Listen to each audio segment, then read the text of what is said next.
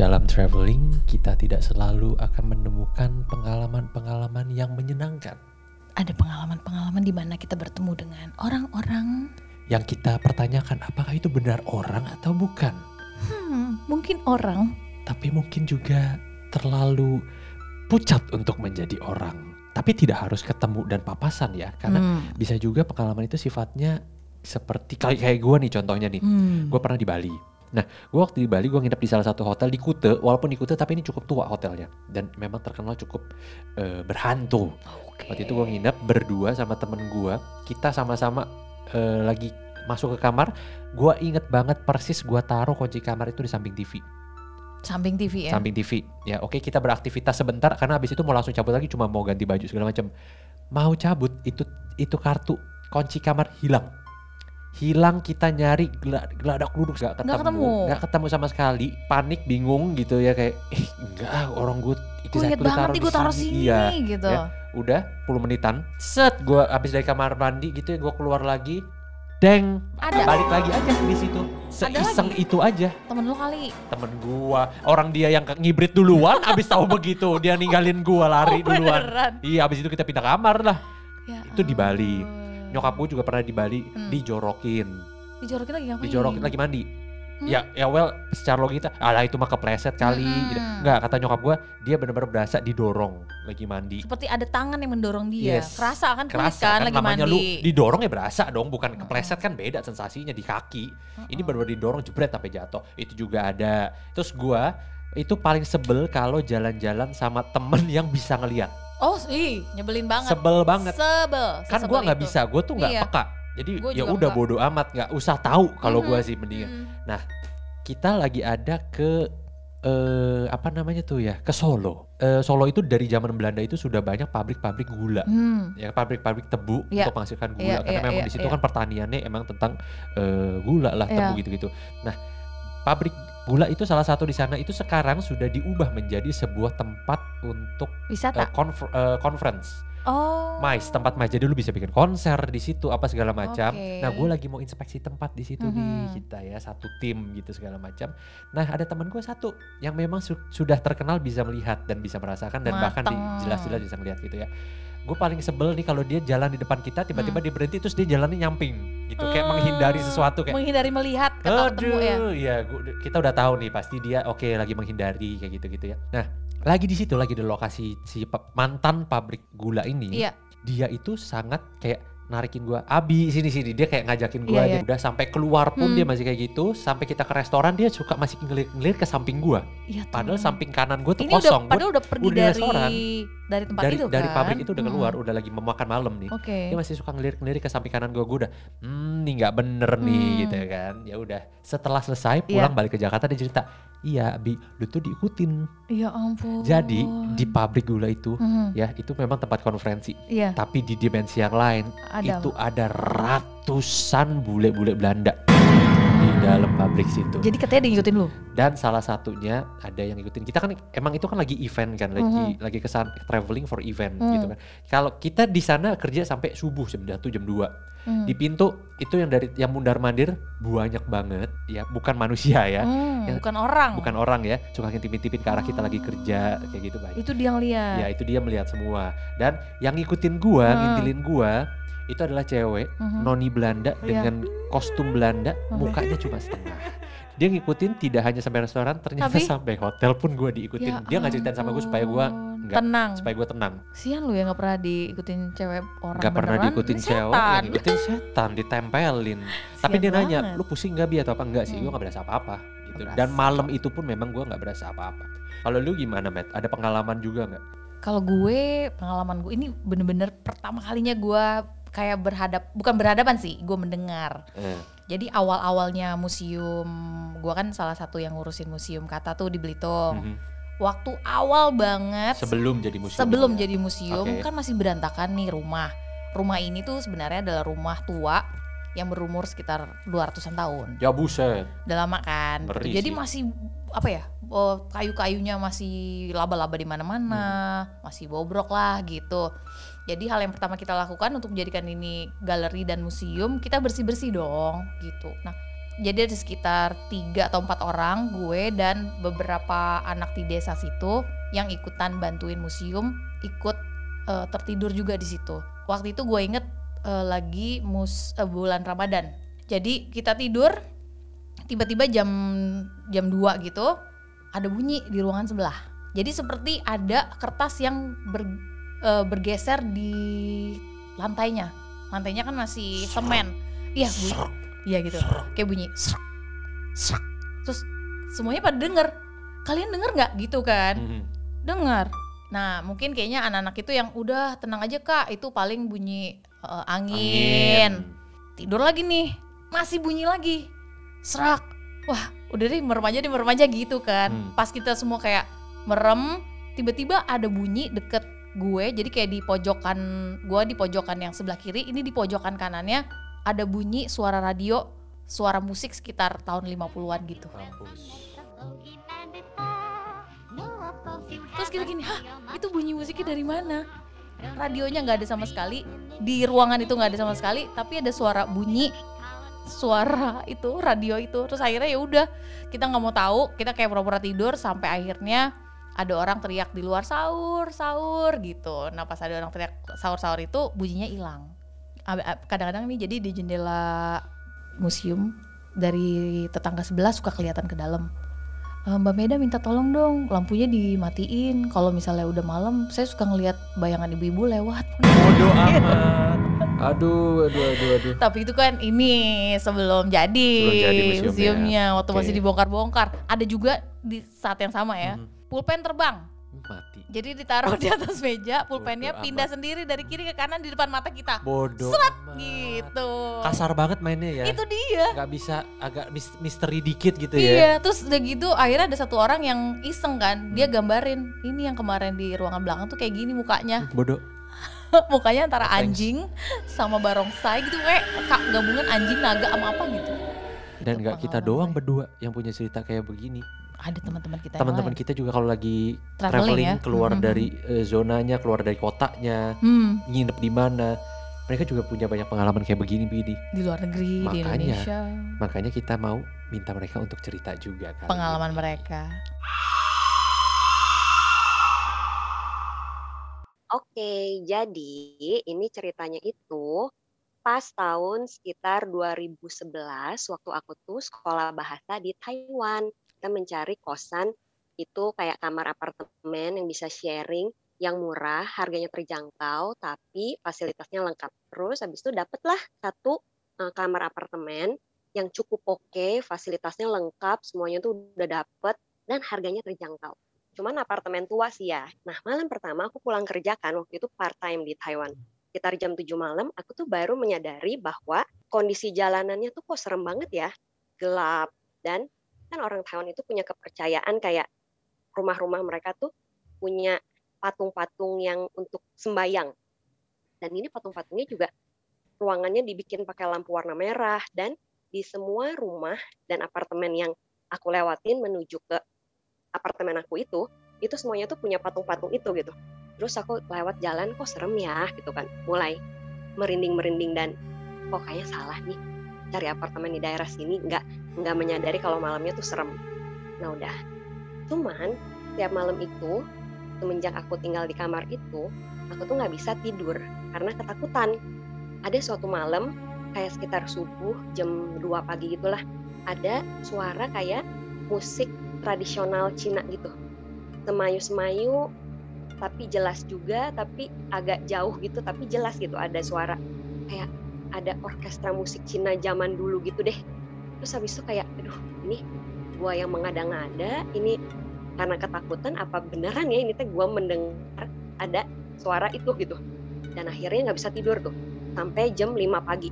Jam 5 pagi udah ada ayam berkokok baru deh kayak merasa tenang dan oh ya udah pagi pasti kalau misalnya ada setan pun setan pun udah nggak ada gitu kalau pagi-pagi terus habis itu ya udah baru bisa tidur tuh nah nah kejadian yang si musik musik Cina Cina jadul itu tuh yang berlangsung subuh subuh itu berlangsung beberapa kali tapi nggak setiap malam.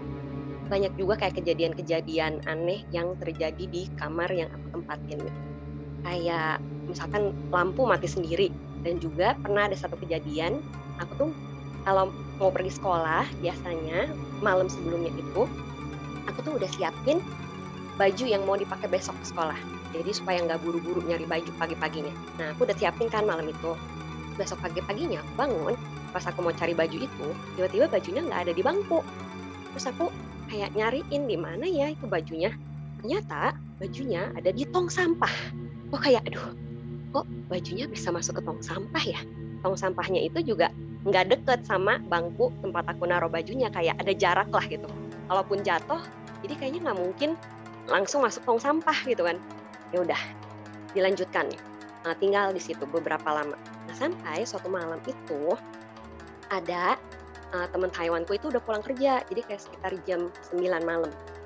Nah tiba-tiba jam 9 malam lagi santai-santai juga tiba-tiba aku mendengar ada suara si musik Cina jadul itu. Jadi kayak musik Cina zaman dulu gitu.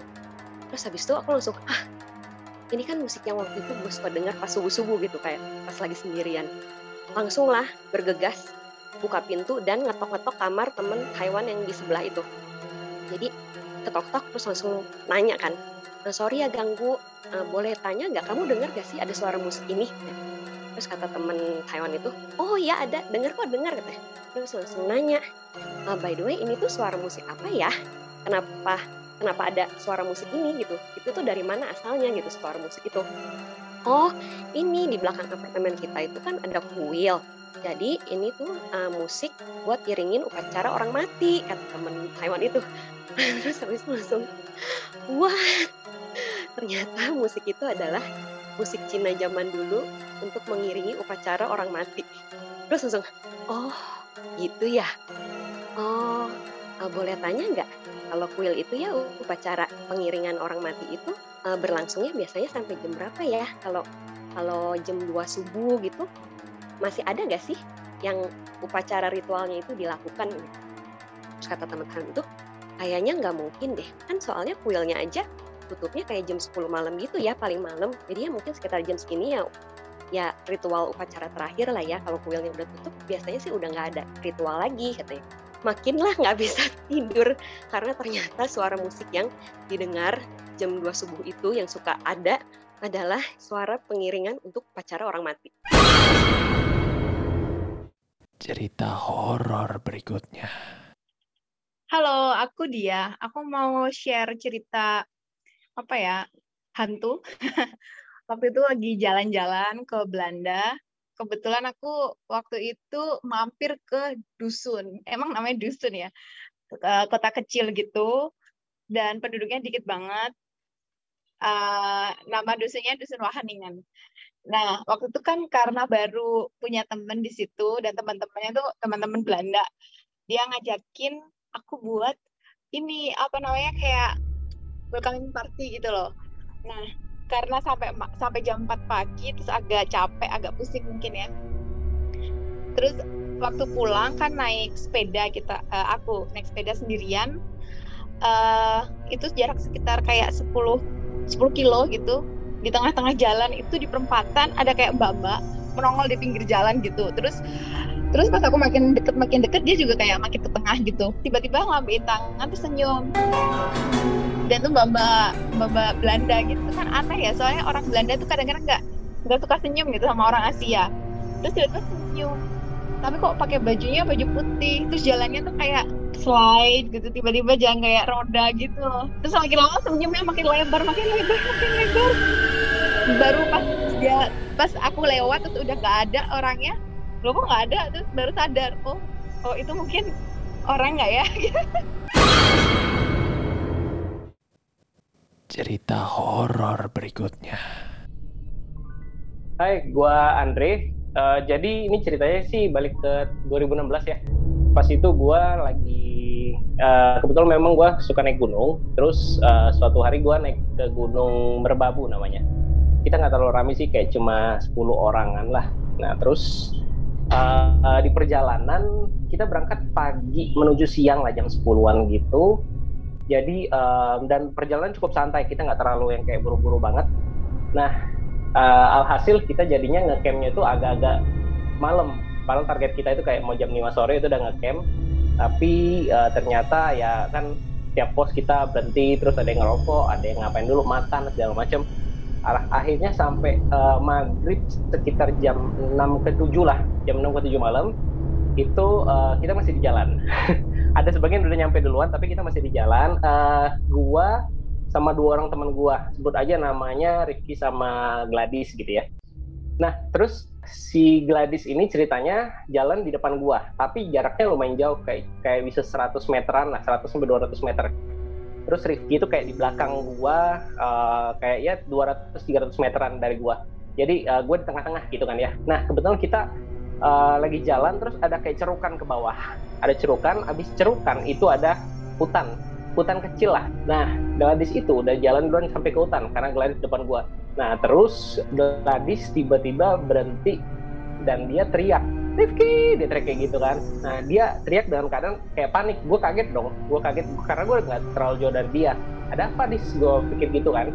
Nah si Gladys itu pas itu lagi bawa lampu uh, lampu lentera lampu apa ya sebutan lampu lentera pokoknya yang cuma dipegang.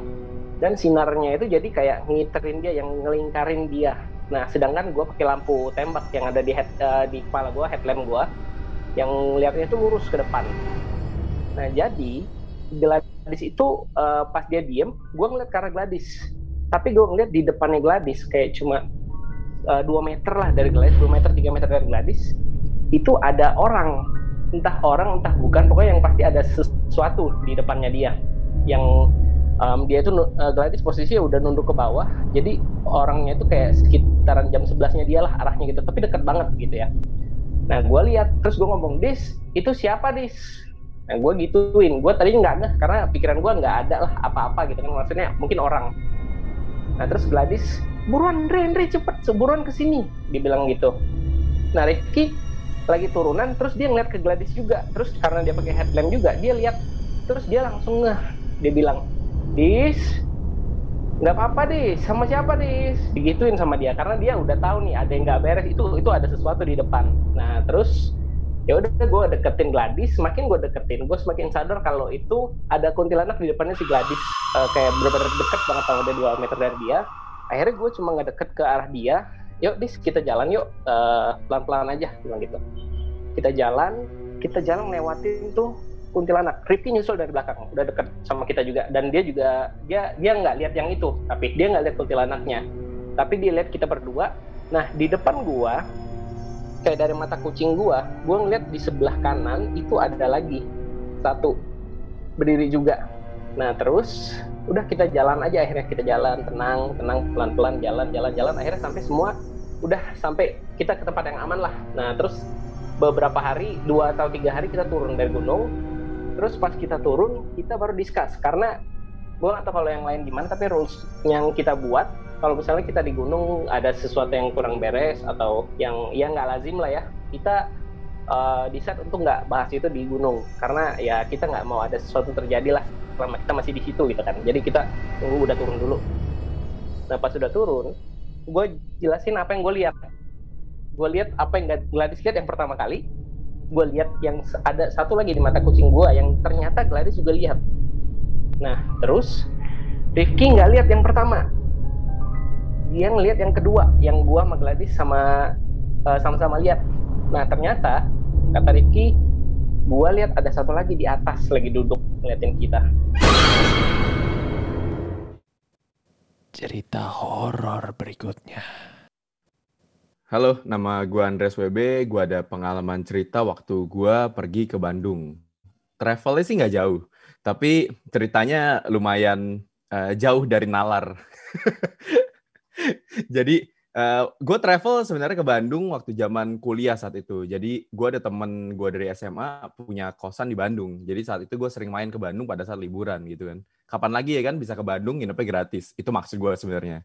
Nah, di balik kegratisan itu ternyata sesuatu yang gue nggak tahu. Jadi pada suatu hari uh, di malam hari itu gue nggak bisa tidur tuh. Teman gue udah tidur duluan jadi gue pakai kasur susun atas bawah gitu kan terus teman gue tidur duluan gue di bawah tidurnya gue bosen nih kok nggak ngantuk-ngantuk gue coba nonton ada Animal Planet gitu-gitu tetap nggak ngantuk ya kan. Akhirnya gue entah kenapa tapi di jendela itu di sebelah kiri kamar itu ada jendela jendela itu kebuka. Entah kenapa gue siap nonton apa gue insecure di jendela itu ya kayak gue pengen ngeliat ke jendela itu gitu. Padahal nggak ada pemandangan di situ ada pohon bambu dong banyak ya kan? tapi entah kenapa gue ngeliat kiri ngeliat kiri gitu ya udahlah gitu kan. Nah gue habis itu coba bengong nonton gitu diem. Nah tiba-tiba uh, dalam beberapa detik depan gue ada sosok putih. Uh, rambutnya ke depan semua kalang ya, mukanya nggak kelihatan. Jadi kalau lu bisa bayangin gue akan coba describe pakai kata-kata ya. Jadi gue tiduran sosok putih itu di kaki gue berdiri. Jadi dia kalau ngeliat gue ngeliat ke bawah gitu ya kan? Nah terus gue ngeliatin kita tatapan pandangan walaupun gue bisa ngeliat muka dia ya. Kita tatapan pandangan terus udah nih gue di saat itu yang lucunya adalah badan gue freeze berat gitu badan gue gue nggak bisa gerak nggak bisa apa-apa gue cuma lihat-lihatan nah gue mulai nih, eh gue harus ngapain nih, gue harus ngapain nih. Nah, di saat gue mikir itu, tiba-tiba dia dengan hebatnya uh, badannya jatuh ke gue tapi pelan-pelan, slow mo. Lu tau kalau Michael Jackson yang ke depan itu gak sih? Yang gerakan Michael Jackson itu. Nah, kayak gitu. Dia dia ke depan, pelan-pelan, pelan-pelan, makin deket, makin deket. Wah gila, itu horror banget sih. Nah, semakin dia ke dekat gue, gue semakin berasa berat kayak ditiban gitu. Tiba-tiba pas dia udah nyampe bener blok ke badan gue, uh, makin berat gue terus mata gue doa bapak kami ya kan. Bapak kami dalam surga bla bla bla cet gue berat entengan. Nah dia naik lagi tuh. Slow mo juga tuh naik ya vertikal lagi. Lihat-lihatan lagi nih kita. Terus dalam hati gue kenapa dia nggak pergi-pergi ya kan? Cuman cuman balik lagi ke tempat awal gitu. Nah dia turun lagi. Tiba-tiba gue bilang wah ronde dua nih saya gitu kan. Dia turun lagi klek nempel lagi berat lagi gue doa lagi bapak kami gitu. Naik lagi dia nih. Wah tatapan-tatapan lagi nih. Ini awkward banget nih mas gue gitu kan. Nah di situ gue nggak inget uh, exactly kayak berapa lama kejadiannya. Tapi yang gue inget tiba-tiba adalah gue bangun dengan kaget dan itu udah lumayan siang udah terang lah. Gue kaget bangun langsung kayak gue bangunin temen gue woi bangun bangun bangun. Kenapa apa wah jerit kosan lu sih nggak beres ya. Nah di saat itu dia baru cerita memang kosan dia nggak beres.